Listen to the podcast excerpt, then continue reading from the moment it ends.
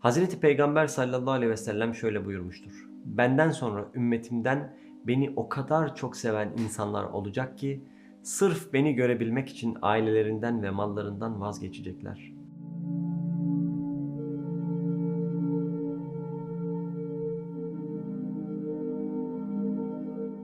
Onu hiç görmemiş olmanın içimizde meydana getirdiği bir burukluk olabilir. Ama öyle bir şey ki Efendimiz bize karşı yani onu hiç dünya gözüyle görmemiş kişilere karşı derin bir hassasiyet hissederdi.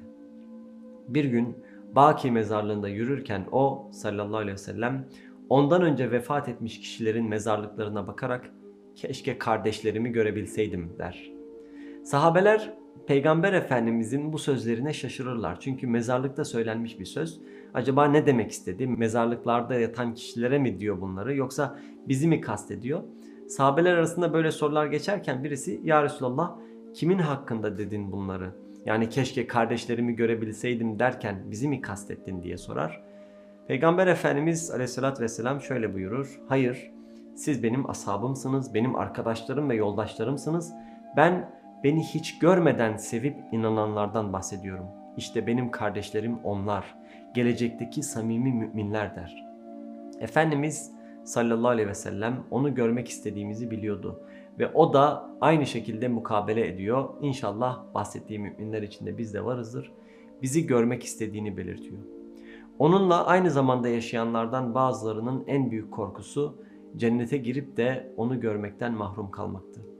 Hazreti Ayşe radıyallahu anha buyuruyor ki bir gün bir genç adam Peygamber Efendimizin aleyhissalatü vesselam yanına ağlayarak geldi. Peygamber Efendimiz gence sorar seni böyle ağlatan şey nedir? Genç adam da şöyle der ya Resulallah her sabah uyandığımda seni görmek için sabırsızlanıyorum. Eğer ki seni görmek istersem mescide geliyorum ama bir gün gelecek ve ben vefat edeceğim. Burada genç adamın ahlak ve edebine de şahit oluyoruz. Peygamber Efendimiz ondan yaşça daha büyük olsa da saygısından dolayı kendi ölümünden bahsediyor.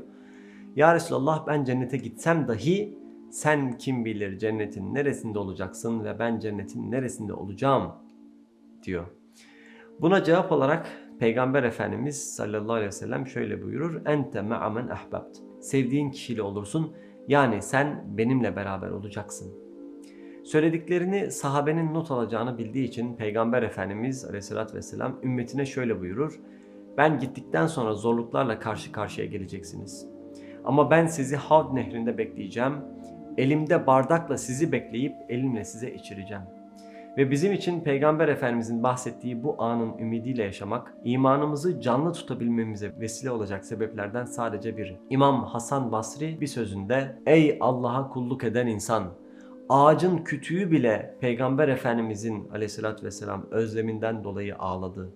Sen bir insan olarak Efendimiz'e duyacağın özlemin daha fazla olması gerekmez mi? der.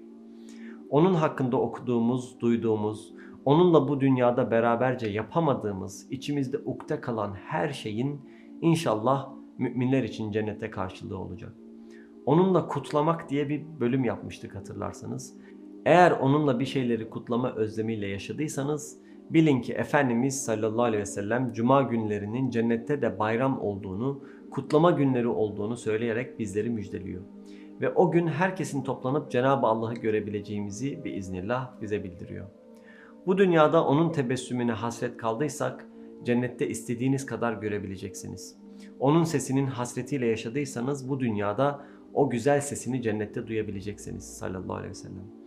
Onunla karşılıklı konuşup evine misafir edip aynı şekilde onun evine davet edileceksiniz. Çocuklarınızı onunla tanıştırabileceksiniz Allah'ın izniyle Firdevs cennetlerinde. Ama bunların mümkün olabilmesi için çaba göstermemiz lazım.